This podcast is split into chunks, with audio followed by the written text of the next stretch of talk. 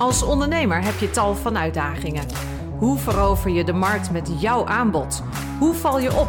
Hoe zet je online optimaal in? Hoe verkoop je? En hoe hou je je leven tijdens en naast het ondernemen ook nog een beetje leuk? Kortom, hoe wordt ook jij succesvol?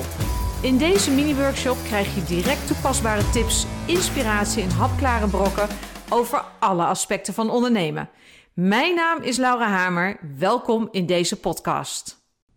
Goedemorgen allemaal. Het is Free Friday, het is vrijdag en ja, dat is altijd zo'n dag. Eh, ik kijk er naar uit. Het is niet alleen omdat de laatste dag voor het weekend is, want in het weekend loopt het werk natuurlijk altijd nog een beetje door. En dat hoort bij het ondernemen. En ik vind het helemaal niet erg, want daarom vind ik mijn vak zo leuk.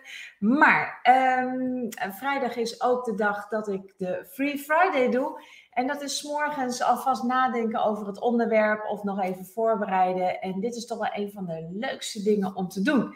Wie had dat gedacht? Ehm, een paar jaar geleden was ik echt nog ontzettend van: nee, ik wil niet op video. Nee, dat is allemaal niet goed. En tegenwoordig doe ik dat gewoon met zoveel plezier en kijk ik er zelfs naar uit. Waarom? Omdat ik het ongelooflijk leuk vind om mijn ervaringen, mijn stukje kennis te delen met jou, zodat jij er weer je voordeel uit kan halen.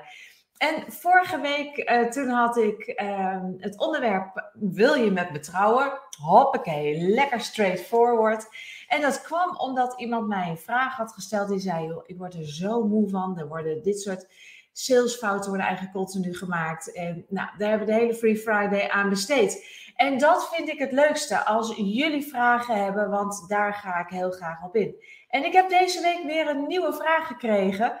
En dat gaat over waar het misgaat. En dan heb ik het niet over kleine foutjes. Nee, twee serieus hele, hele grote missers in klantkennis.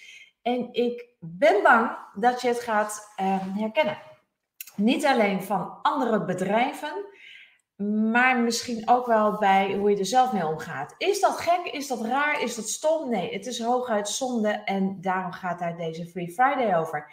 Ik ga mijn slides erbij halen en we gaan het hebben over de twee grote missers bij klantkennis.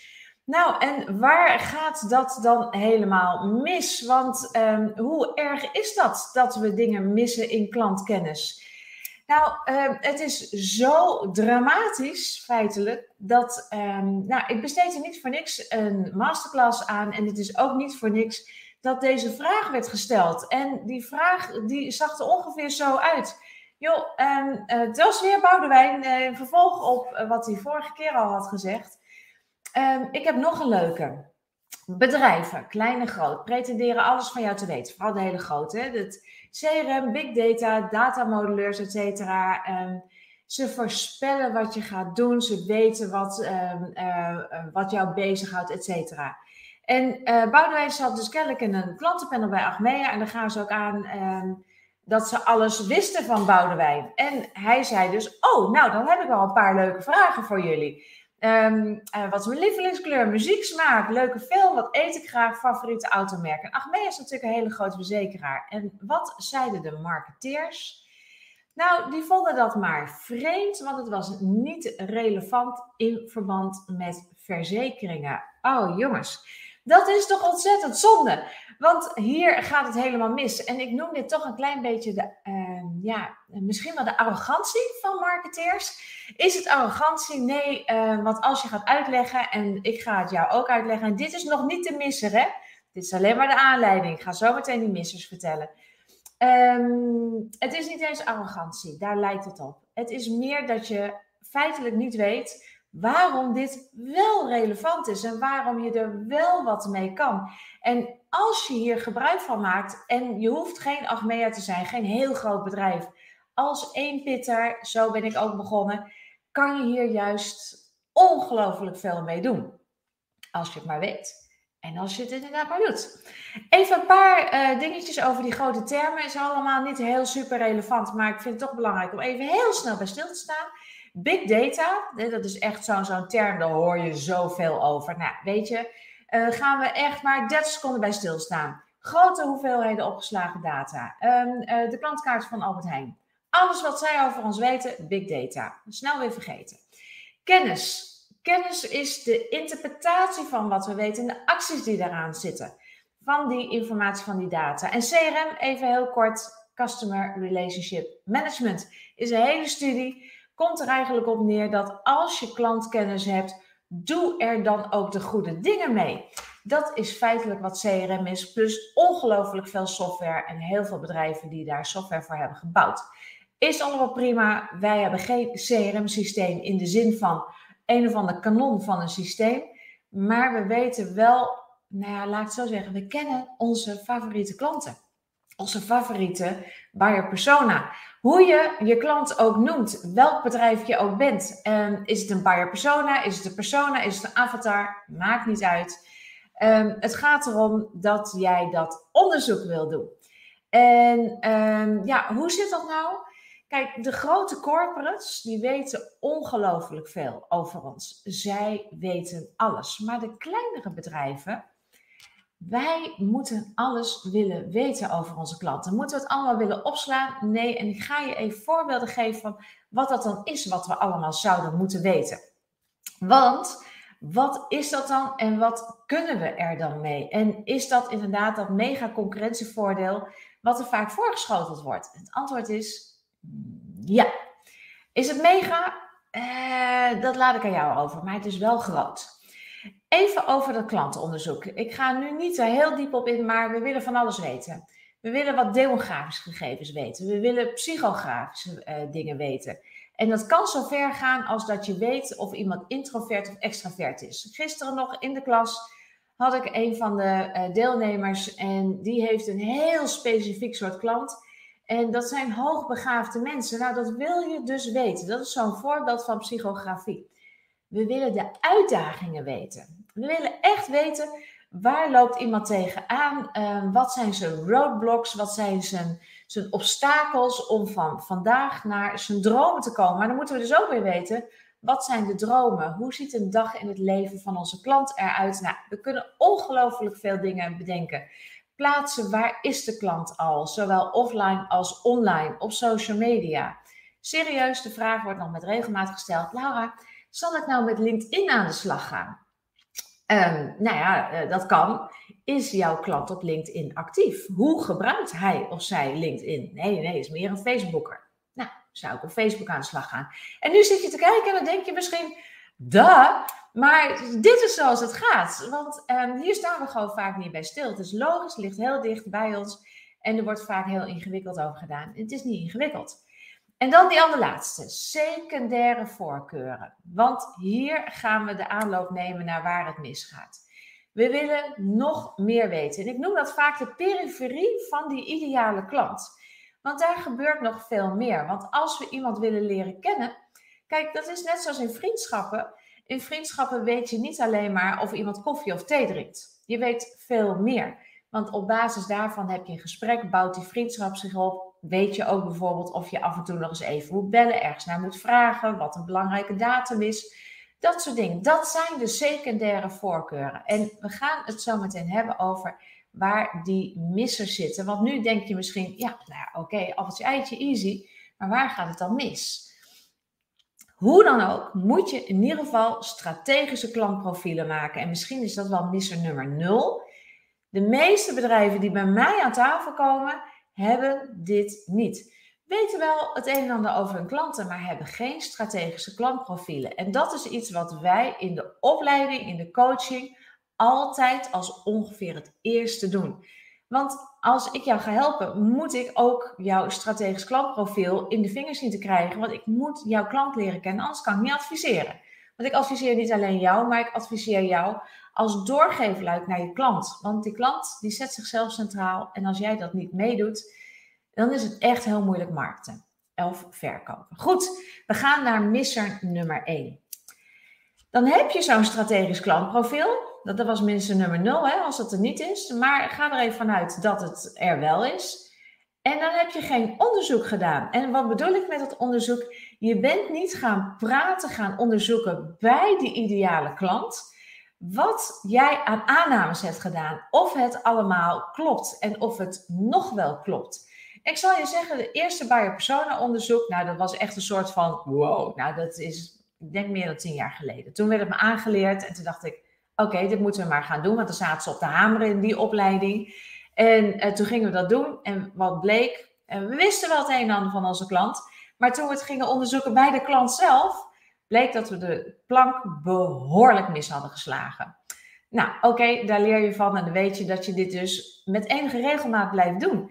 En op dit moment zijn een aantal medewerkers zijn hier ook weer mee bezig. Die hebben gesprekken met klanten, met toekomstige klanten, met ideale klanten. En die checken of de aannames die wij hebben gedaan, of die goed zijn geweest.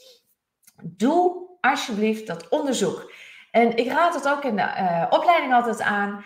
Joh, nodig iemand uit, zeg erbij een gebakje of een wijntje of een kopje thee. Um, ik ga zitten, ik had een glazen bol en ik heb van allerlei aannames gedaan. Mag ik checken of mijn aannames kloppen?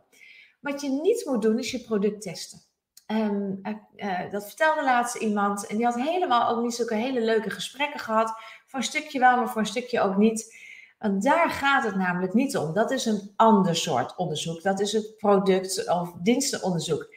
Dit is je klantenonderzoek waar het echt gaat over wat houdt hem bezig? Waar droomt hij van? Waar loopt hij tegenaan? Waarom lukken bepaalde dingen niet? Wat heeft hij al geprobeerd? Vraag naar, heb je toevallig het gevoel dat je al alles eraan hebt gedaan? En op het moment dat daar een ja uitkomt, vraag door. Want het is continu, oh, hoe dan? Wat dan? Enzovoort.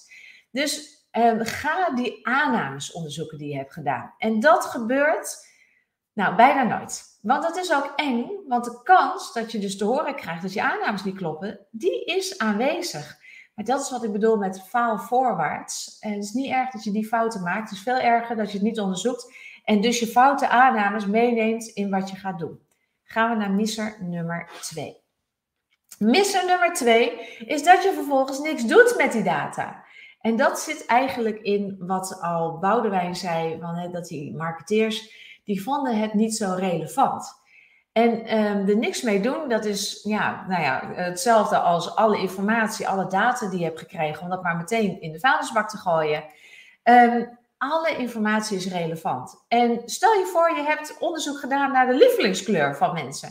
Dat kan je erbij vragen, dat is niet je allerbelangrijkste datapoint. Maar um, ga eens kijken naar wat die kleur is.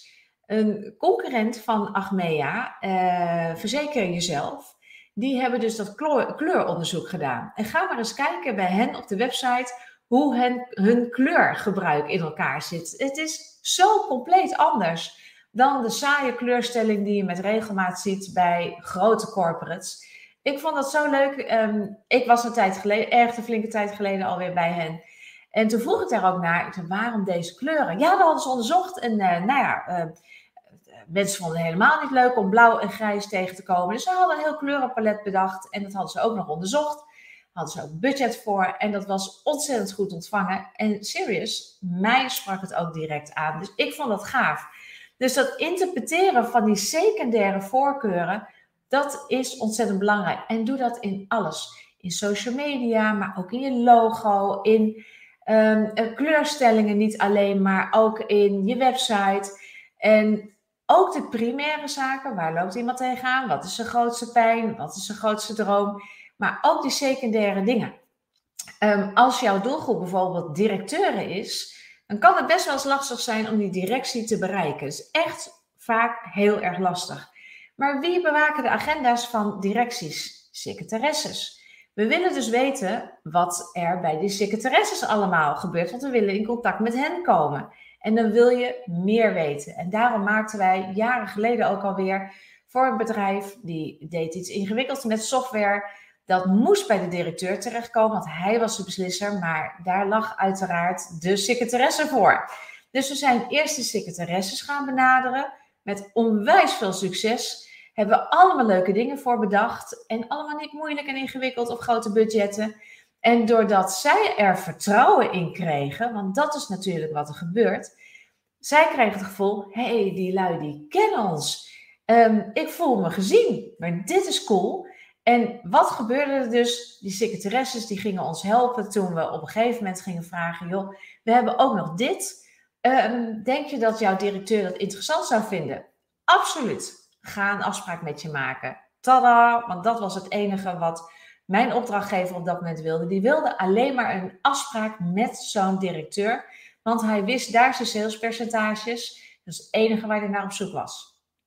Dat zit dus allemaal in zo'n klantonderzoek. En dus moet je alles weten. Dat zijn eigenlijk, nou in plaats van twee, zijn het eigenlijk drie grote misses. Dus je moet zo'n strategisch klantprofiel hebben. Je moet op onderzoek uitgaan of je aannames, of die kloppen. En vervolgens, ja, het is zo'n open deur. Maar je moet dus met zeker ook die secundaire voorkeuren, daar moet je echt wat mee doen. Want dat is het onderscheidend vermogen. Dan ga je laten zien dat jij echt onderzoek hebt gedaan, dat je echt interesse hebt, dat het echt om de klant gaat en niet om jou. En dat je dus echt gewoon het goed wil doen. Daar komt het feitelijk op neer, want je wilt toch iemand echt goed helpen. En dan komt de rest er echt ook achteraan. Oké, ik kijk op de klok. Het is 10 uur 19. Ik was ietsjes later. Sorry. Um, mocht je nou denken, oh, ik wil hier veel meer over weten. In de gratis training ga ik nog veel verder in op klantonderzoek. Dat is één van de drie dingen die ik daar heel uitvoerig uh, vertel. En ook hoe je dat in het vervolg kan meenemen. En hoe je daar weer mee aan de slag kan gaan. Om met, dat, uh, met die klantdata, met al die gegevens die je hebt verzameld, om te zorgen dat die ideale klant ook jouw klant wordt. Scan de QR-code of ga naar de bit.ly-link. Ehm, je kan hem ook vinden via onze homepage. En zoals altijd zet ik uiteraard hier onderin weer eventjes neer um, waar je de link kan vinden. Mocht je nou zelf denken, hey, dat is cool, er worden hier vragen beantwoord. Ik heb ook nog wel een vraag. Zet hem ook lekker in de comments. Vind ik leuk. Um, ik heb ondertussen ontdekt dat ik uh, via mijn software niet alle comments kan zien. Dus um, uh, als ik nog niet heb gereageerd, dan ga ik dat zo meteen doen. Dan ga ik even checken wat er allemaal is geschreven. En um, nou, nogmaals, echt oproep. Heb je een vraag? Stel hem. Uh, het mag ook via een persoonlijk berichtje. Ik neem alle vragen mee, want dat is het leukste wat ik weer vind. Want jouw vragen daar ga ik antwoorden op formuleren. Ik wens je een hele mooie vrijdag. Um, voor vanmiddag, het wordt noodweer, zeggen ze. Uh, geloof het ook. Um, uh, zet je paraplu op. Uh, ga lekker, um, blijf lekker binnen. En alvast een heel mooi weekend. Tot volgende week, 10 uur. Dan ben ik er weer met Free Friday. Doeg!